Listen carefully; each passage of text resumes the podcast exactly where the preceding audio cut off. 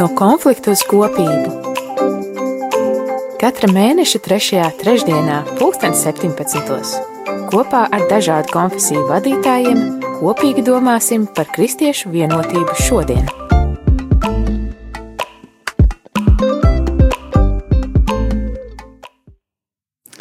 Labvakar, mīļie klausītāji! Labvakar, studijas viesi! 16. gadsimts ir jau kādu laiku aiz muguras, un līdz ar to lielās cīņas par to, kura ticība ir pareizāka, arī jau kādu laiku ir nolikts maliņā. Bet neskatoties uz to, sabiedrībā aizvien vairāk dzirdam cilvēku viedokļu par to, kura konfesija tad ir pareizāka, pie kuras konfesijas būtu labāk piederēt, un kura ticības veids vai, vai paražas vai izpildījumi būtu tie pareizākie. Šī ir lūkšana nedēļa par kristiešu vienotību, un tā nav nejaušība, ka tieši šīs nedēļas ietveros mēs esam uzsākuši raidījumu ciklu no konflikta uz kopību. Šim raidījumam par pamatu mēs esam izvēlējušies protestantu un katoļu kopīgi veidoto materiālu ar tādu pašu nosaukumu. Mani sauc Munis Lamberte, un turpmākos piecus mēnešus, katrā trešajā mēneša trešdienā, 2017. es aicināšu pie viena galda protestantu un katoļu garīgos līderus, lai kopīgi runātu par ekumēnismu, jeb kristiešu vienotību, kā vien, vienkāršāk mēs varētu teikt. Par to, kā kristiešu vienotību mēs redzam šodien un ko mēs varam darīt lietas labā, lai to veicinātu savās konfesijās, savā draudzē un pats galvenais savā sirdīs. Šajos raidījumos mēs mēģināsim apskatīt sarežģītas tēmas ar vienkāršiem vārdiem, tāpēc es atļaušos lūgt paskaidrojumus viesiem, ja kādu no vārdiem, kurus viņi lietos, būs pārāk sarežģīti, lai mēs visi varētu to saprast un lai varbūt arī paši viesi to beidzot varētu saprast, vai ne? Tad pirms sākam mūsu raidījumu, mūsu sarunu, es gribētu arī jūs, mīļie klausītāji, aicināt piedalīties šajā raidījumā. Sūtot savus jautājumus par konkrētās dienas tēmu uz e-pastu studija at rml.lv, variet arī zvanīt uz telefonu numuru 67 969 131, kur Rihards sagaidīs jūs un pieņems jūsu jautājumus.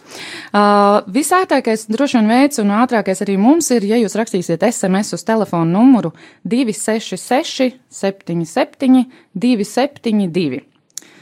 Lūdzu, droši, droši rakstiet vai zvaniet arī tad, ja jums kaut kas no raidījumā runātā pēkšņi nav skaidrs, saprotams, vai jūs gribat, lai kāds no viesiem izskaidro to, ko viņš ir tikko teicis. Nu, ir pienācis laiks iepazīstināt ar mūsu šīs dienas viesiem. Tad studijā pie manis šodien ir Radio Marija Latvijas programmas direktors Priesters Pēters Skudra. Labvakar! Teologs un Rīgas Luteru draudzes mācītājs Kaspars Simonovičs. Sveiki! Un bērnu slimnīcas paliatīvās aprūpas kapelāns un skrīveru baptistu draugs mācītājs Jānis Balodis. Labvakar! Mīļie draugi, es gribētu jums lūgt īsi atbildēt uz pirmo jautājumu, kas ir arī šī raidījuma galvenā tēma. Ko katram no jums personīgi nozīmē ekumēnisms? Kurš ir gatavs sākt atbildēt? Varbūt Pēters, sāksim ar tevi. Kā... Tad tā kā jau esi ie, iejuties sarunās. Jā, es esmu bijis rādījumā arī ētrā iepriekš. un, um, kas priekš manis personīgi vai vispār katoļiem? Jā, tev. Man nē, nē, nē, pēc tam mēs iesim pa konfesijām. Tagad tev. Uh, man personīgi ekumenisms ikdienā aizpaužās tajā, ka reizi mēnesī es tiekos ar Kasparu un Jāni un vēl dažiem mācītājiem no Toņkalnu un Āgenskalnu, un mēs uh, pēdējā reizē ēdām picu Citreiz mēs ēdam kaut ko citu, un tad mēs vienkārši apspriežam, kā ir gājis pa aizvadīto mēnesi. Tas ir tāds ikdienas ekumēnisms. Izklausās baigi labi. Kas par kā ar tevi? Uh, ekumēnisms man personiski arī nozīmē vispirms attiecības. Attiecības ar konkrētiem cilvēkiem, kuri pieder dažādām konfesijām, un iespēju Eh, runāt ar šiem cilvēkiem tādā labvēlīgā, draudzīgā gaisotnē, noskaidrot viedokļus, dzirdēt, kā kuram ir gājis, kādi ir jaunumi.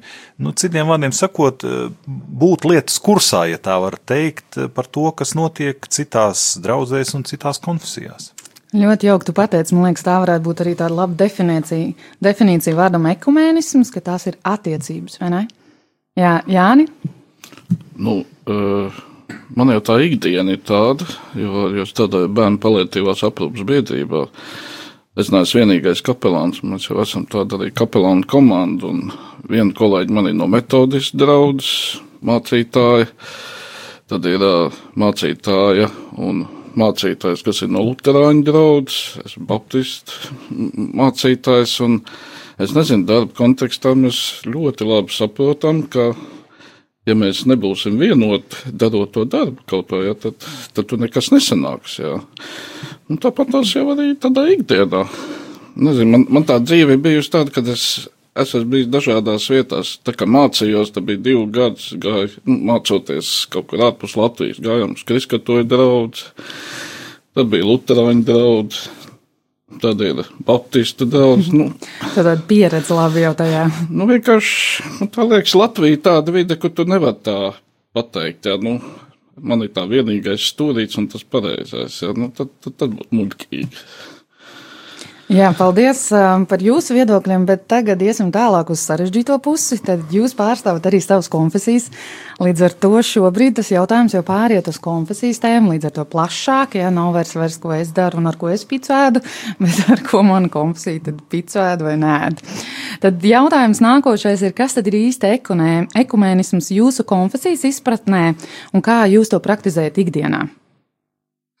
Jā, es tad varu uzreiz, man te ir atšķīries līdzi. Ir, mēs vienkārši ar klausītājiem runājām pirmdien par tādu dokumentu, kas nāk no Vatikāna otrā koncila. Un šeit ir teikts, ka ekumeniskā kustība tās ir iniciatīvas un aktivitātes, kuras atbilst dažādām baznīcas vajadzībām un laikmeta apstākļiem, un kuru mērķis ir veicināt kristiešu vienotību. Vispirms tie ir centieni izskaust tādu vārdu lietošanu, spriedumus un rīcību, kas pēc taisnības un patiesības neatbilst šķirto brāļu stāvoklim Tādējādi sarežģīja attiecības ar viņiem.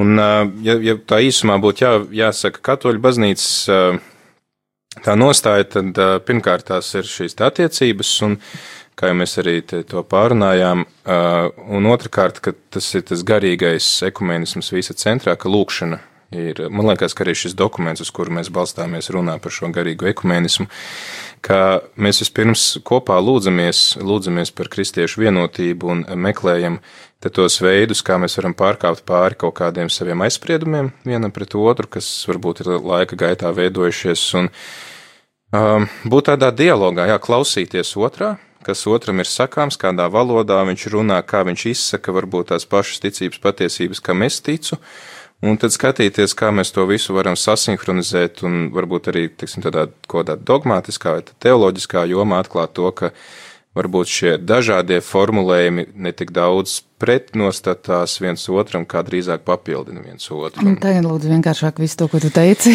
ko tas nozīmē ikdienā. Vai, jūs, vai ir kāda lūkšana, ko jūs lūdzaties ikdienā, vai, vai ir kādas darbības? Jo es sapratu to I, ideju, tā ir ļoti skaista, jā, bet kā tas ir? Kas attiecās uz lūkšanu, lūdzu, ir vienotības, tad ir lūkšana oktāva par kristiešu vienotību. Tās laikā lūdzās kādas valsts konfesiju pārstāvju sagatavotās lūkšanas pārdomā meditāciju šogad ir maltieši. Pirms trim, četriem gadiem bija Latvija. Ja? Uh, tad, Tas ir jau kāds gatavs lūkšanas. Jā, ja? mm. tas tikpat labi var būt. Nu, te ir tā brīvība. Es varu viens pats mājās lūgties, vai nu gatavus tekstus, vai, vai saviem vārdiem, un, un lūgt, lai Dievs man dod skatienu, ar kādu viņš uzlūko citas konfesijas, un lai arī man tad ir drosme un gudrība paskaidrot sevi, kad es esmu attiecībās, un otrs, tad mēs varam lūgties kopā, vai tās ir kopīgas bībeles studijas, vai tā ir kopīga kāda pielūgsmes, nu, tezē, piemēram, mm. jā. Uh, arī kaut kāds gatavs formāts, vai mēs varam sanākt trīs draudzes un, un, un domāt savu formātu, tas jau ir nu, tāds brīvi, vai tas ir kaut kāds gatavs vai, vai pašu sacerēts lūkšanas vai spontāns kāds. Paldies, Kaspar. Uh, es atvainojos, Pēter, Kaspar, tagad kā, tava kārta ir. Kā, kā tavā draudzē tas notiek, vai tavā konfesijā tas notiek, un, un kā jūs to praktizējat ikdienā? Viens ir šī te, uh, teorija, vai tas, uz ko jūs to balstat, un kāds realitāte ir? Jā, luteriskajā kontekstā tīri vēsturiski. Um, mums gan nav tāda dokumenta kā Katoliskās baznīcas katehisms, tādā ziņā, ka tas ir pietiekami nu, jauns dokuments kā tāds, un, un, un, un, un aizvien tiek teiksim, kaut kā varbūt papildināts. Mūsu konstitucionālie dokumenti ir palikuši vairāk tajā 16. gadsimtā, un saskaņā ar to izpratni baznīca ir visur tur, kur tiek pasludināts vārds un izdalīts sakramenti. Un līdz ar to Lutheriskajā konfesijā vienmēr ir bijis svarīgi saprast, vai mēs līdzīgi un, un, un, un, un vienādi vai pareizi izprotam, ko nozīmē pasludinātais vārds un, un, kā, un ko nozīmē attiecīgi sakramenti, kurus mēs īstenojam. Līdz ar to tā sadaļa vienmēr Lutāņiem ir bijusi svarīga. Dialogs, saruna, mēģinājums saprast, vai mēs esam uz vienas lapas. Ar... Ir kaut kādas vadlīnijas, kā to saprast, vai kā tur, piemēram, parastais luterānis varētu saprast, ka nu, tagad viņam ir tas ekumēnisms ar citām. Uh, nē, nē, es domāju, ekumēnisms tādā nozīmē, ka, lai ekumēnisms būtu, jeb ekumēnisms viena no izpausmēm ir, ka mēs mēģinām runāt un saprast viens otru tīri teoloģiski, saturiski. Vai tas, ko mēs sludinām, ir viens un tas pats vai nav? Vai pat ja mēs lietojam viens un tos pašus vārdus, vai mēs saprotam vienādi to, ko mēs sakam, vai nē. Tā daļa vienmēr ir bijusi svarīga Lutheriskajā kontekstā. Eh, bet tādā tīri eh, praktiskā izpausmē, un īpaši Latvijas kontekstā, eh, šīs teoloģiskās diskusijas līdz šim nav bijušas pārāk intensīvas, tā maigi sakot, vai gandrīz nemaz nav bijušas, mm. jā, īstenībā. Nu, nē, tāda pavisam neliela mēģinājuma pēdējos gados, bet tas, kas Latvijā ir novērojams, ir tāds praktisks ekumēnisms, bieži vien tādā likumdošanas līmenī vai dažādu sabiedrisku iniciatīvu iniciatīvu līmenī, eh, vai dažādu tikšanos līmenī, vai dažādu svētku svinēšanas līmenī. Mm. Jā, atstājot eh, varbūt iekavās tieši svētā vakarēdienu kopīgu svinēšanu, kas, Tas protams, ir ļoti tēmā, liela jā. tēma pat Viens par no sevi. Tieši par jā, to jā. mums būs, jā. Bet, bet principā Latvijā vairāk izteikts ir nevis šis teoloģiskais ekumēnisms, bet tieši tāds praktiskais. Mm -hmm. Paldies, Kaspar. Jāni? Nu, uh, Es domāju, Baptistu kontekstā tas arī tiešām ir bijis praktiski. Un, ja mēs skatāmies kaut vai uz, uz to okupācijas laiku, kā bija, ja nu, teiksim, katoļu baznīca, pareizticīgo baznīca vai luterāņu baznīca nu, atradās savos dievnamos, ja, kaut gan arī ne viss, ja, protams, ja, bet nu, lielākoties. Tad ir tā vēsturiski kaut vai šie pēdējie. Uh, Tas padomju laiks ir iezīmējis to, ka daudz baptistu dievnam arī, nu, es varētu arī teikt par adventistiem, tāpat tās arī metodistiem tika atņemti. Mm -hmm. Un tad, eh, tad, protams, to māju vietu rada, rada piemēram, eh, pie Lutāņu draugs. Un, piemēram, viens piemērs, kur man arī iznāk tā praktiski ikdienā braukt, nu, bieži tā sastapt, teiksim, Jaunjēlgavas Lutāņu draugs, skaidrs zina, ka Jaunjēlgavā Baptistu draugs līdz viņa apgūst savu dievnam, viņa atradās tur. Jā. Uh, un tā tas arī bijis ar daudziem citiem. Jā. Līdz ar to tas Latvijas konteksts jau pats ieskicēja to, ka nu, tev, tev vajag kādu vietu, kur tu vari to vārdu, savu ticību izdzīvot. Jā. Un līdz ar to tas dialogs ir jāveido. Un es ļoti piekrītu, un es arī tā palasīju, arī 13. gada bija tāda konference jā, tā par identitātu un atvērtību, un kardināls Kurts Kohs. Jā, tā, tā, kas arī ir, saprotu, ir par ekumēnismu arī. Jā. Viņš arī ļoti, to definīciju ļoti vienkārši iedeva. Ekumēnisms ir dialogs, bet tas dialogs ir tāds spēja abām pusēm vai vairākām pusēm kritiski paskatīties uz tām savām kļūdām, kas ir bijis. Ja, Kaut kas atrast... par skabargu un baļķi, vai no tēmas?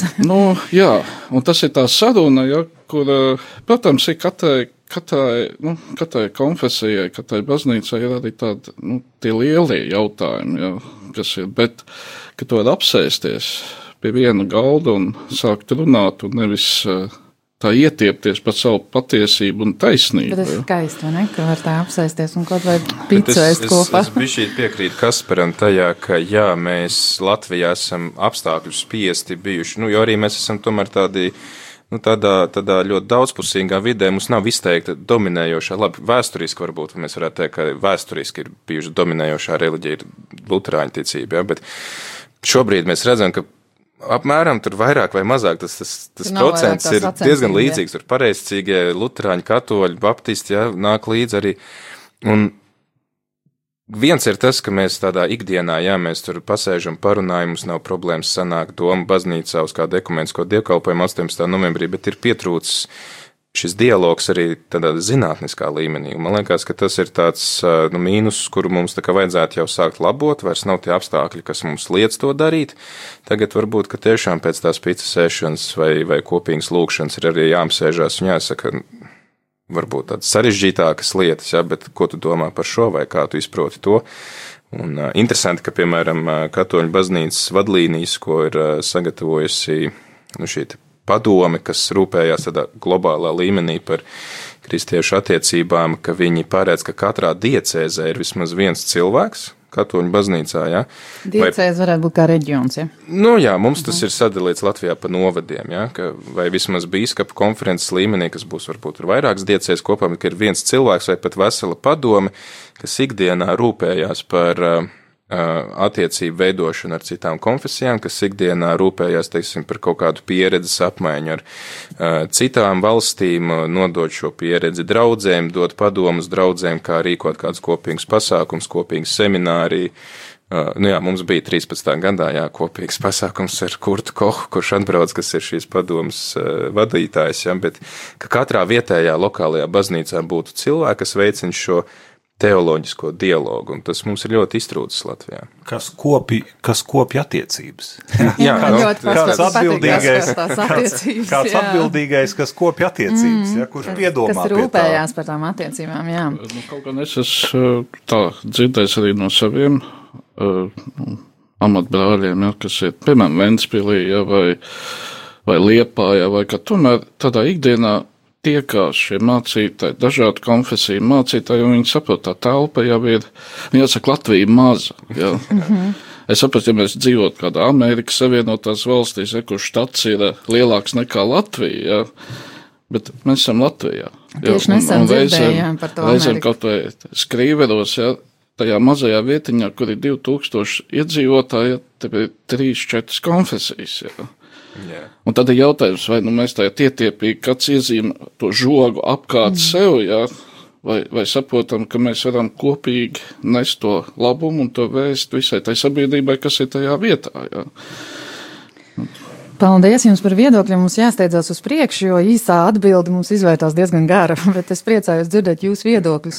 Un tieši nesen dzirdēju to, ka salīdzinot ar Ameriku, Latvijā ekumenisms ir spēris, vai kristiešu vienotība ir spēlus, spērus lielu soļus uz priekšu, jo tur esot tā, ka dzīvojot kaimiņi vienā rajonā, un uh, līdz svētdienai visi ir draugi, svētdienā neviens ar otru nesarunājās, jo katrs iet uz savu baznīcu savā kvartālā, un tā tas notiek līdz svētdienas vakaram.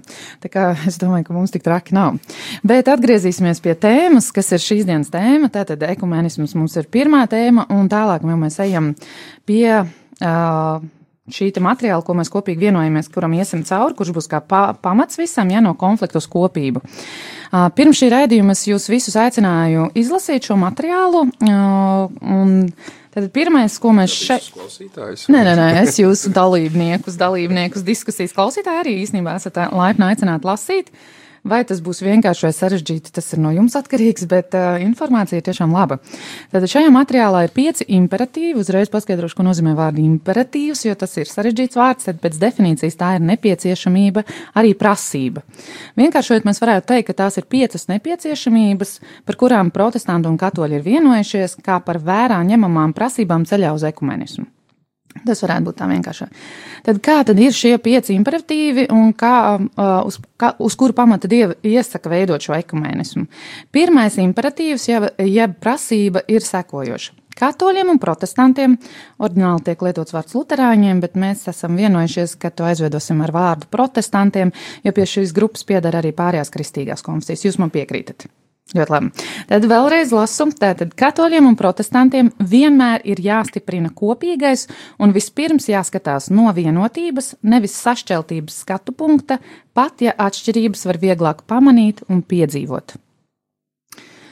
Kā jūs šo imperatīvu varētu, jeb noteikumu varētu komentēt? Kā tas varētu tikt attiecināts uz tādām ikdienišķām situācijām jūsu konfesijā? Es domāju, ka tas pat nav tāds uh, vērtējums konfesiju kontekstā, tas ir vērtējums, un es gribētu atgriezties atpakaļ pie šī jēdziena attiecības, attiecību kontekstā. Un proti, eh, lai kādi būtu imperatīvi, lai kādas būtu prasības, lai ko mēs formulētu un izvirzītu, jebkuru attiecību kvalitāti, jeb virzību noteiks nolūks. Kāpēc mēs esam sanākuši kopā? Kas ir nodoms, kas ir nolūks? Un, ja nodoms būs vienam otru apkarot, nu, tu vari izvirzīt kādus imperatīvus tu gribi. Tu vari sarakstīt dokumentu dokumentus. Tas vienkārši nestrādās. Anotējumus. Jā, anotējumus un lāstus. Kas un ir anotējums, lūdzu, paskaidrojiet? nosodījums Jā. un izslēgšana un tam līdzīgi. Uh, un ja attiecībās valda neusticēšanās savstarpēji, jebkurš dialogs ir absolūti apgrūtināts.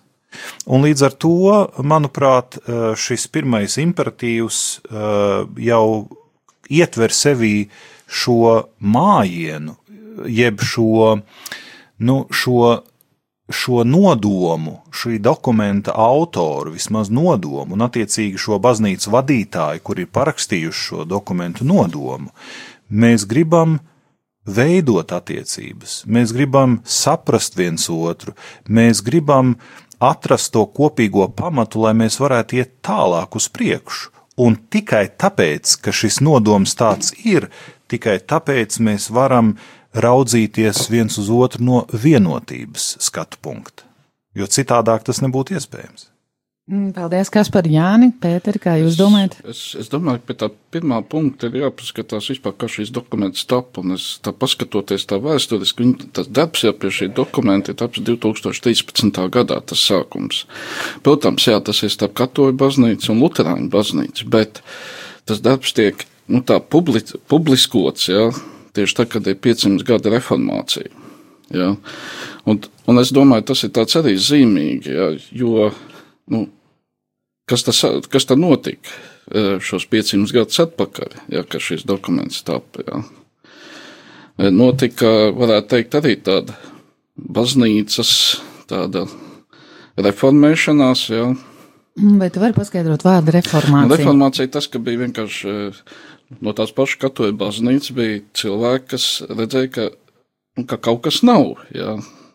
Un tad tas tā kā tāds protests, ja, tad, un tas vēsturiski radīja šo visu Šķelšanos. to šķelšanos. Kaut gan jāsaka, atkal no otras puses, tas atkal deva katoļu baznīcai, atkal bija kontrreformācija, kas lika izvērtēt un pārvērtēt atkal to. Un tagad kontrreformācija.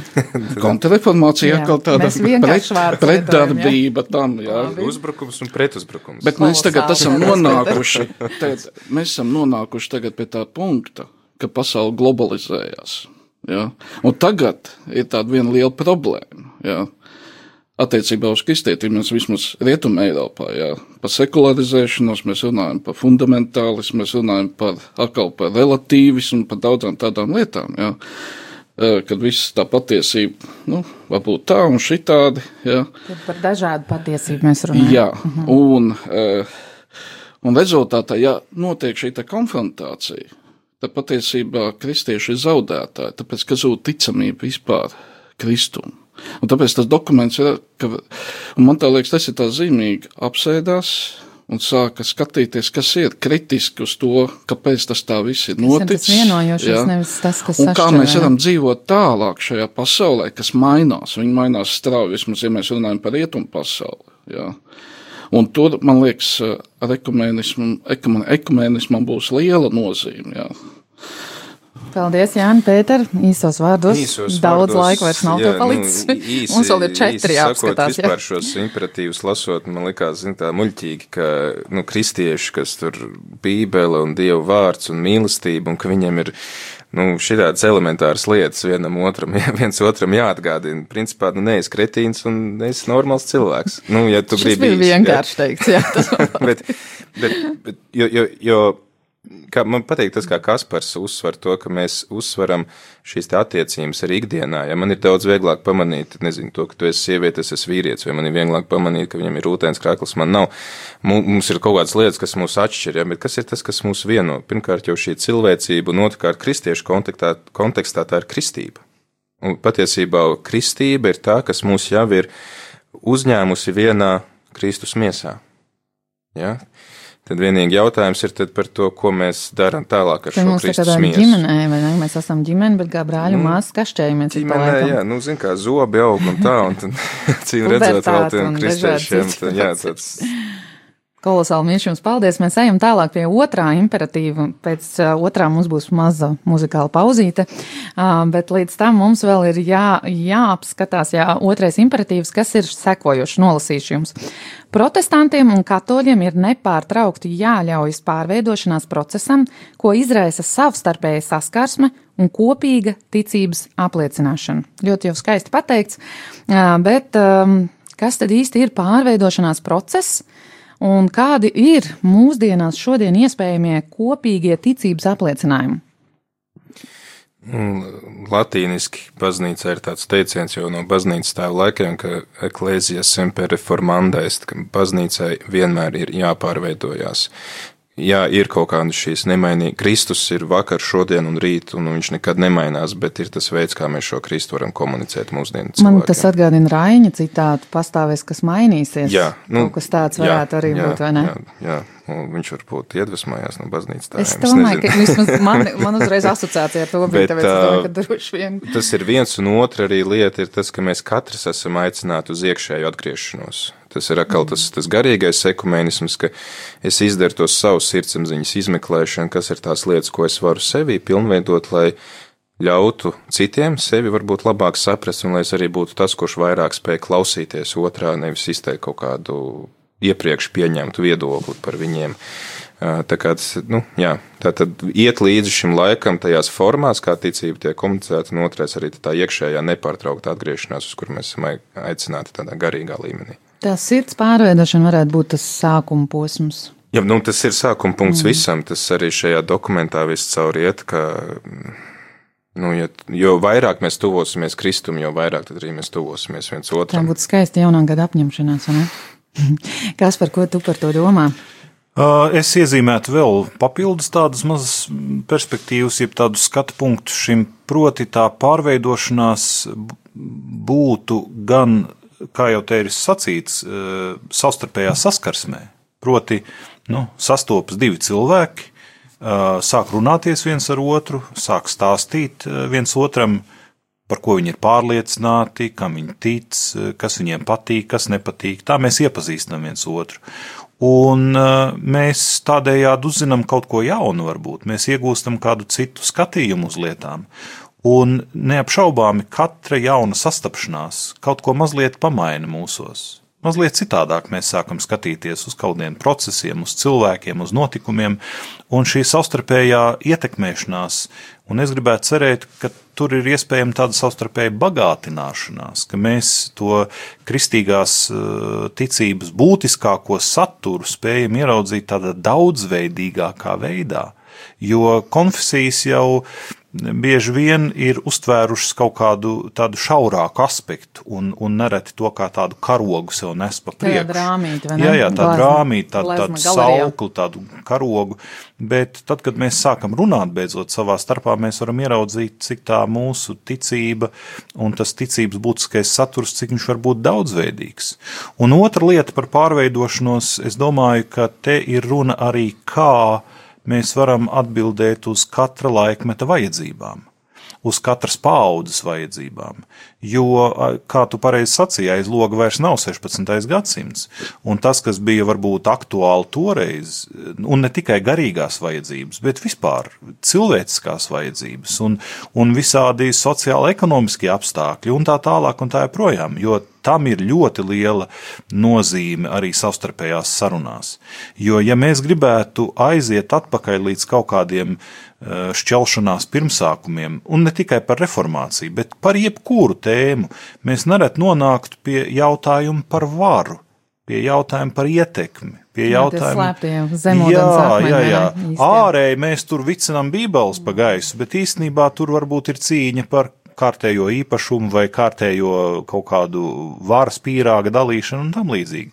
Un līdz ar to katram laikmetam, katrai pauzē ir savas vajadzības, un mums ir jāmācās tās ieraudzīt un adaptēties un, un prast atbildēt šīm vajadzībām. Un arī tur tas pārveidošanās process ir svarīgs. Tu piekrīt, ka tas varētu būt tā, ka ne tikai mums ir jāpārveidojas savā sirdī, bet mums ir jābūt arī atvērtiem pret to, ka otrs var būt atšķirīgs, nenosodot viņu Un tā kā vienkārši, kā tu teici, pieņemot kaut ko jaunu, iepazīstot tādā veidā to cilvēku. Nu, tieši tā. Es domāju, ka šeit arī īpaši būtu katoļiem jāņem vērā to, ko Kaspars saka, jo šis, teiksim, mēs esam saglabājuši šo vārdu katolis, katoliskums, katoliskums tieši nozīmē to, ka ir liela dažādība, kas to visu apvieno. Ja, un, un tas nav aicinājums uz vienādību, vienveidību, bet gan uz kopību, vai, teiksim, baznīcas terminoloģija runā šis vārds komunija, ja, ka mēs varam būt savstarpējā miedarbībā, kas mūs bagātina viens otru.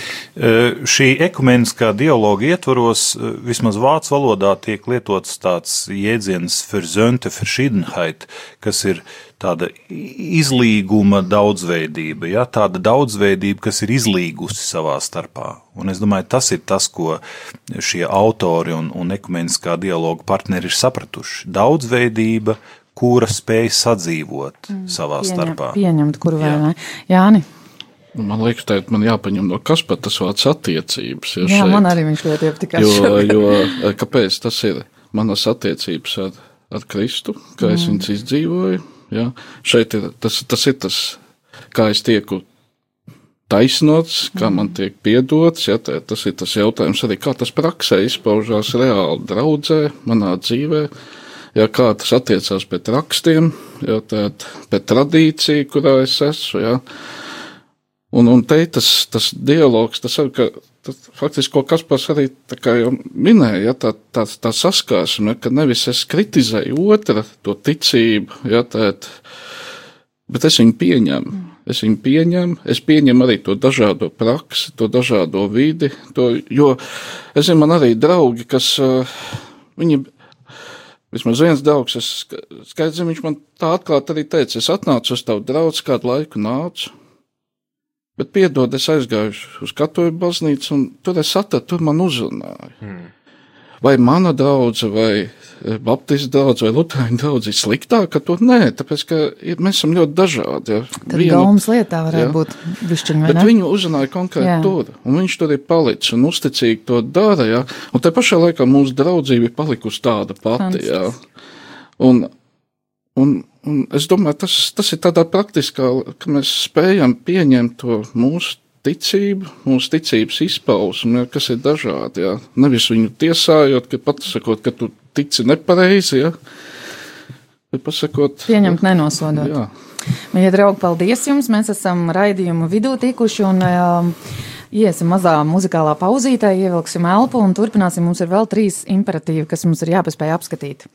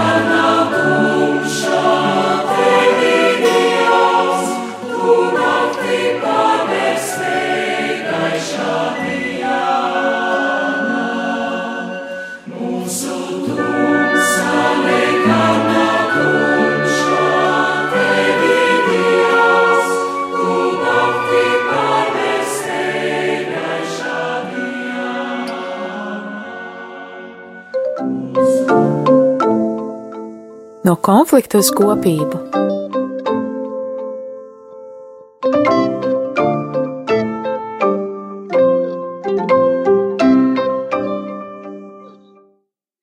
Mīļie klausītāji, esam atpakaļ studijā un gribu jūs aicināt uh, uzdot savus jautājumus vai to, kas jums nav bijis skaidrs līdz šim.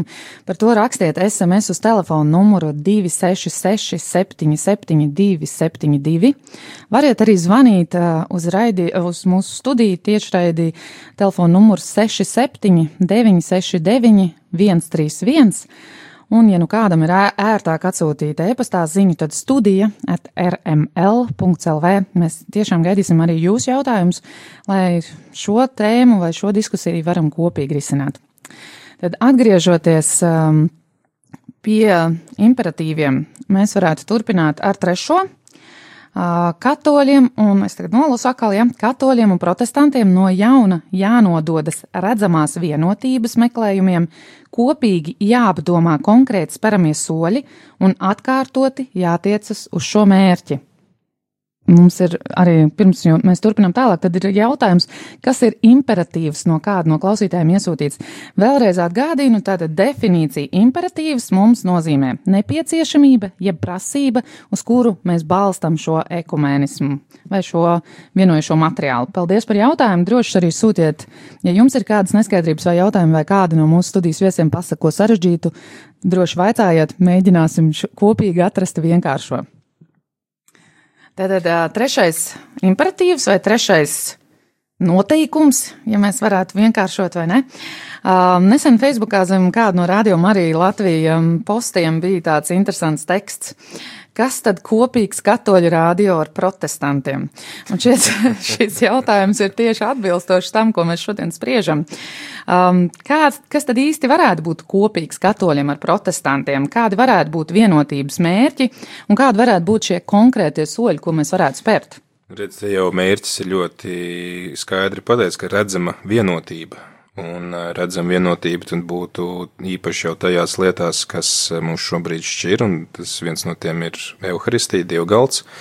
Un tad redzama vienotība būtu arī šī kopīgā, kopīgā sludināšana, par kuru mēs runājām pirms dziesmas. Un īstenībā interesanti, ka pētot ekumenismu vēsturi, mēs redzam to, ka ekumenisms izaug tieši no tā, ka arvien problemātiskāka kļūst evanģelizācija ka, teiksim, arī dodoties uz vietām, kur cilvēki vēl nepazīst Kristu, saka, jau, bet pagaidi, mums te bija pirms nedēļas citi, viņi kaut ko teica, citi, un tagad jūs, jā, un, nu, kaut kā, te, nu, šī tad tiekat galā ar sevi, un kas ir ļoti interesanti, ka arī Jēzus lūkšana par kristiešu vienotību, uh, ir arī, kā viņš paskaidroja, lai pasaule ticētu, ka tu esi mani sūtījis, jā, ka tā tad evanģelizācija būs patiesi efektīva tikai tad, kad uh, nu, kristieši ir paši savā starpā vienojušies par to, kas tad ir tas, ko viņi sludina.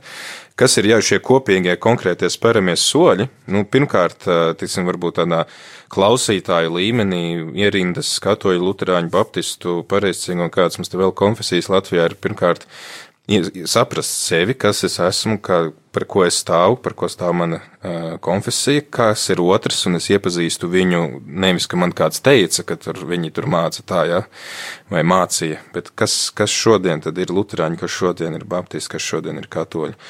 Un uh, te tādā varbūt formālā līmenī, kas jau, teiksim, būtu tāds. Um, šo baznīcas autoritāšu uzdevums tad rīkot, nu jā, šīs te teoloģiskās debates, sarunas, kur mēs liekam uz galda visus tos jautājumus, kas ir, un tad skatāmies, kā kurš formulē. Šis dokuments, par kuru Jānis teica, ka viņš reiz četrus gadus rakstīts, tas nav tā, ka viņi 2013. gadā apsēdās sāk rakstīt, tas ir rezultāts daudz, daudz garākam procesam, piemēram, 90. gados liela daļa luterāņu un katoļu vienojās par to, kas ir pestīšana un kāda tad ir šī žēlastības darbība un cik tās ir tās attiecības ar tiem darbiem. Ja kaut kāds jautājums jau ir sakārtots, tad ķeramies tālāk pie nākamā. Tā kā, nu, konkrētais solis, protams, jā, kopīgas lūkšanas, es domāju, arī varētu būt. Tāds. Mums ir arī jautājums no kāda no klausītājiem, kur um, klausītājs vaicā, vai tad, kad visi būs vienoti, tad visu gala galā būs katoļi, luterāņi vai pareizticīgie? Kā tad tur īsti būs? Kristieši. Es domāju, ka ļoti laba atbilde. Kristus Kas par vai mēs jā. varētu turpināt ar trešo imperatīvu vai trešo noteikumu tavā skatījumā? Uh, jā, šie vienotības meklējumi, un es domāju, tur pareizi tika norādīts, ir saistīti, jeb ir saistāmi ar Jēzus lūgšanu, kur viņš izsaka šo vēlmi, lai visi ir viens, tāpat kā mēs esam viens. Un ka viņš grib redzēt cilvēkos tādu vienotību, kāda ir viņam pašam ar debesu tēvu. Un es domāju, tīri vēsturiski mums jāatcerās, ka ekumēnisms, modernais ekumēnisms rodas lielākās 20. gadsimta katastrofas rezultātā, proti uzreiz pēc otrā pasaules kara, kas parāda, ka no vienas puses mēs taču esam kristīgas nācijas. Mēs esam dzīvojuši, tā sakot, kristietībā jau gadu simtiem un tūkstošiem. Un skat, uz ko mēs esam spējīgi. Mēs esam spējīgi viens otru sistemātiskā veidā nogalināt, izstumt uh, un tā tālāk un tā joprojām. Nav lielākas katastrofas 20. gadsimtā kā Otrais pasaules karš, Vēl pie tam darīt ar Dievu vārdu. to un darīt, Gotmituns, un, jā. un darīt to Dievu vārdā. Un mēs atcerēsimies nacistiskās Vācijas oficiālā baznīca un, un, un, un baznīca, kas nostājas tai pretī un iebilst, tā aplie, apliecinošā baznīca, ja Bekenende kirhe.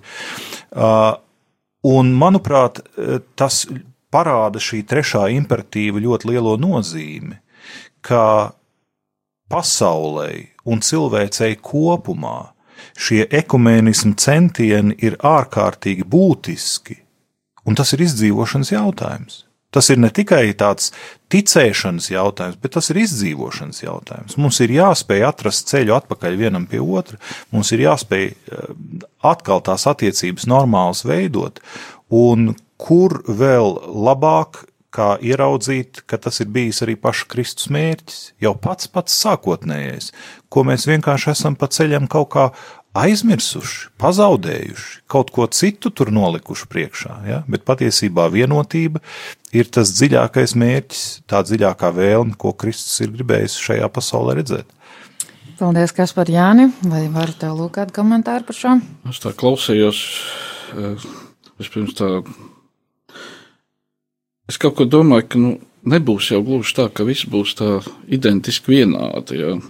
Un arī, kad vai, es tā paskatījos arī, ko nu, mūsu konfesijas arī. Nu, Kaut vai biskupa vietnieks, viņš man, man ļoti patīk tā viņa doma, ko viņš uzraksta. Viņš ir ekumenisms, ir citādi Kristus aicināto pieņemšanu, un tā nav visu vienādība. Ja. Viens ir skaidrs, ka nu, nebūs tā, ka mēs būsim vienā, bet tas ir tas mans attieksmes maiņa.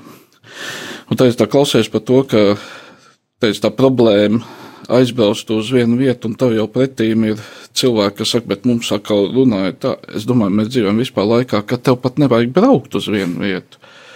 Tāpēc, ka tu atver vaļā internetu, ja ieej iekšā, un, un tu vari atrast jebko, ja sākot no akadēmiskām, beidzot ar ar evaņģēliskām un vēl visādām materiāliem, ja, un reizēm pat cilvēks, kāpēc man jāiet vispār uz baznīcu, ja, Jā, es man domāju, tas ir aktuāli ja. tiem cilvēkiem, kur vispār meklē ceļu pie Dieva, vispār saprast, kas tad, Eh. kurš tad ir pareizā, kur ir pareizā atbilde. Bet es piekrītu, es piekrītu tam, tai domai, ka, protams, šī ekumēniskais dialogs viņam jāiziet ir no akadēmiskās vīdes, ja, kur ir šī te izvērtēšana, šī saruna, ja, jo šeit ir arī pieminēta. akadēmisko vidi Nu, atvainot. tas, ir, tas ir, nu, teiksim, gan, gan katoļu baznīcai savs teoloģiskās augstsko luterāņiem, ja tā ir mums Latvijā ir Latvijas universitātes teoloģijas fakultāte, baptistiem ir savu savu.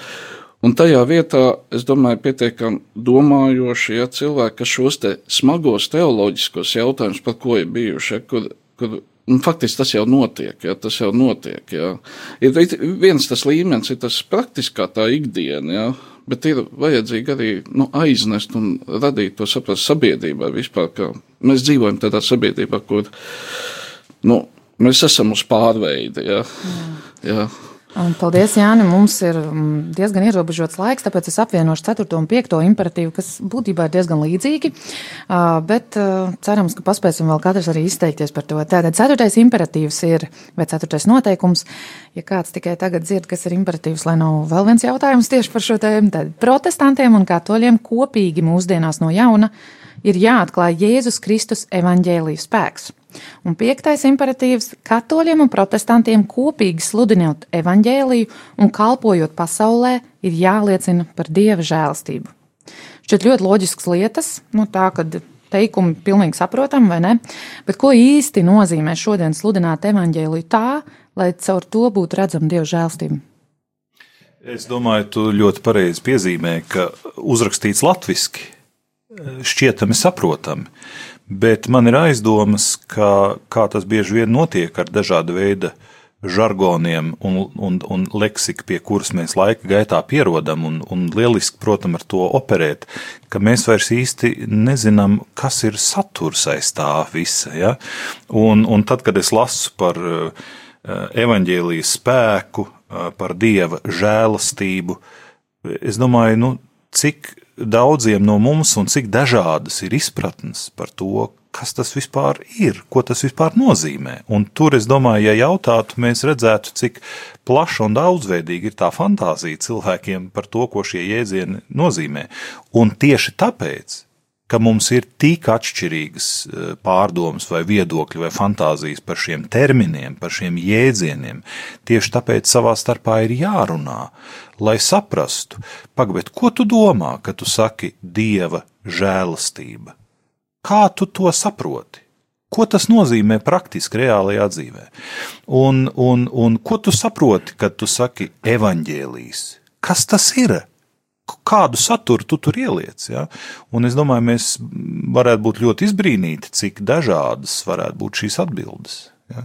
Es nezinu, vai, tas, vai mēs to varam paspēt šajā vakarā izdiskutēt, ja? bet es piedāvātu, piemēram, īpaši Jāņa evanģēlijā to var redzēt, tur ir tāda zināma pretstāve tiek piedāvāta - pasaule un dievu valstība.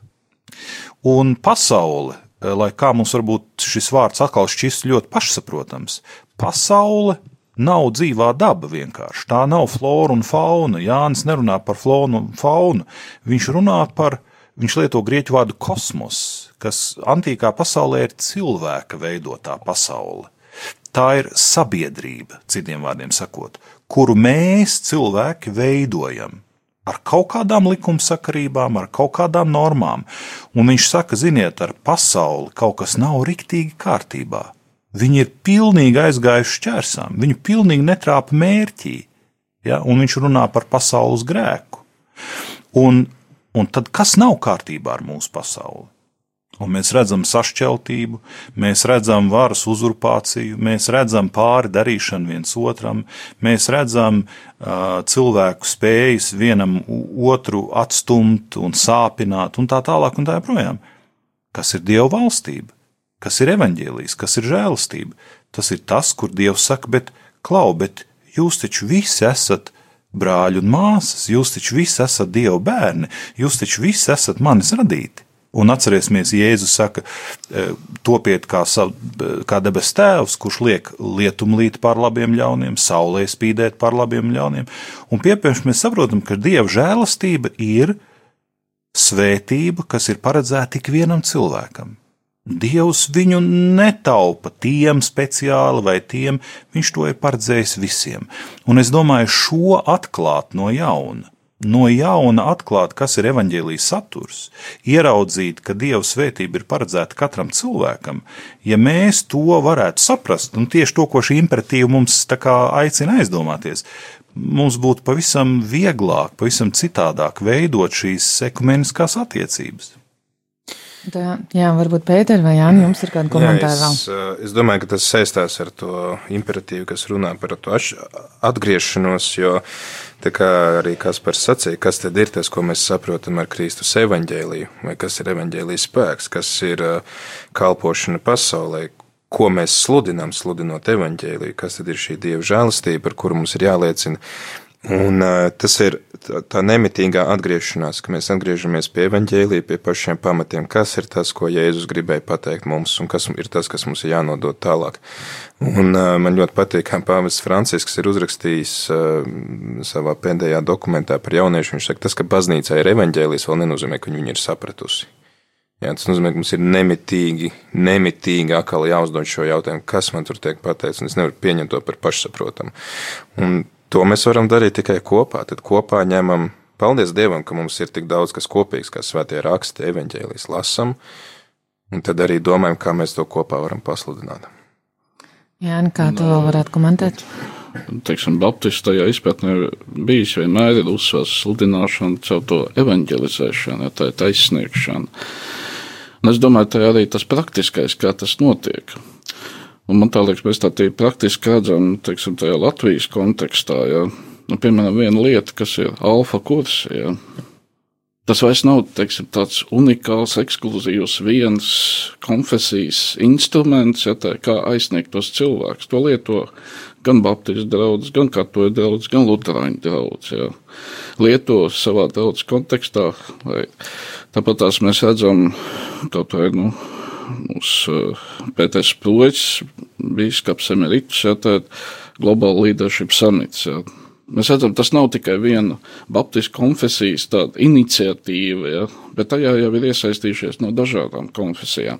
Un patiesībā tas ir tā arī tādi meklējumi, tie praktiski kā to žēlastību, ko tu esi saņēmis, nes citiem. Ja.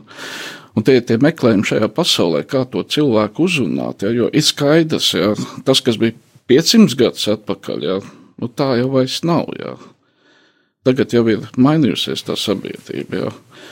Bet tā dieva žēlastība, es domāju, tas ir tas primārais, jā, to dievu valstību ienestai sabiedrībā, jā, un kā to var. Man liekas, jā, ka tā dieva žēlastība ir diezgan grūti izjūtama mūsdienās, ceļš, kad mēs neizrādām viens otram to žēlastību, kā saprast žēlīgu dievu, ja mēs kā kristieši nesam žēlīgi viens pret otru. Vēl viena lieta, viens, viens no imperatīviem, tur, tur arī tie komentāri ir pirms tiem imperatīviem par to, ka mums ir jābūt ārkārtīgi pacietīgiem, jo, nezinu, teiksim, šeit mums ir glāze uz galda, viņi ir kāds taisījis, viņi ļoti ātri viegli saplēst, bet, lai pēc tam atkal salikt pa gabaliņiem kopā, tas prasa pūles. Tas prasa laiku, un es domāju, ka arī nu, teiksim, šodien runājot, nevajag gaidīt, ka tagad rītā mēs visi esam apvienojušies un mēs esam par visu vienojušies. Bet tas ir pacietīgs process, kas ir jāiet, un mums vienkārši nav atkāpšanās ceļa, gribam mēs to vai nē. Sarežģīts process, nu, dzīve tāda. Man liekas, ļoti labs novēlējums. Tas varētu būt turpmāk, ka mēs lēnām ejam visi kopā Tad par pamatu ņemot evaņģēliju un dieva žēlstību, un arī pārējos imperatīvus vai noteikumus, kurus mēs šodien apskatījām. Uh, jā, nākošā raidījumā mums būs, uh, tas būs klausāms 19. februārī, kurā mēs apskatīsim tēmu, kas jau būs sarežģītāk, manuprāt, reformācija un katras konfesijas skats uz to. Eh, es ceru, ka nenonāksim krustugunīs, ka varēsim tādā pašā dieva žēlstībā un, un žēlstībā viens pret otru par to diskutēt. Bet es vēlos teikt paldies eh, šī vakara raidījuma dalībniekiem. Un paldies, jo īpaši tev, mīļo klausītāji, ka tu varēji būt kopā ar mums. Un, o, es tiešām ceru, ka kaut kas iekrita tavā sirdī, ka tu varēsi atdzirdēt kādas atbildes vai tieši otrādi kādas jautājumus, jo bieži vien mūsu meklējumi sākās tieši ar jautājumiem. Mēs gaidīsim tavus komentārus par šo raidījumu un jautājumus jau saulēcīgi par nākošo tēmu, tad tos tu vari rakstīt aizvien vēl uz SMS sūtot uh, uz telefonu numuru 266 772 72 vai e-pasta sūtot uz uh, e-pasta adresi studija at rml.lv. Tad nākošā raidījuma tēma - reformācija un katras konfesijas skats uz to. 19. februārī tiekamies pie šī galda vai šādā vai mazliet atšķirīgā sastāvā, to jau Dievs mums rādīs. Pulkstens 17. 18.00 atkal tiešā ētrā būsim un iesim tālāk maziem solīšiem uz kristiešu vienotību vai uz ekumēnismu. Lai Dieva gars ir tas, kas mūs vieno, kurš tiešām mūs pavada arī ikdienā, un Dieva žēlstība ir tā, kur mēs viens otram iz, izrādam un, un arī parādam kā piemēru. Paldies jums, mīļš, un uz drīz tikšanos! No konflikta uz kopību. Raidījums par kristiešu vienotību.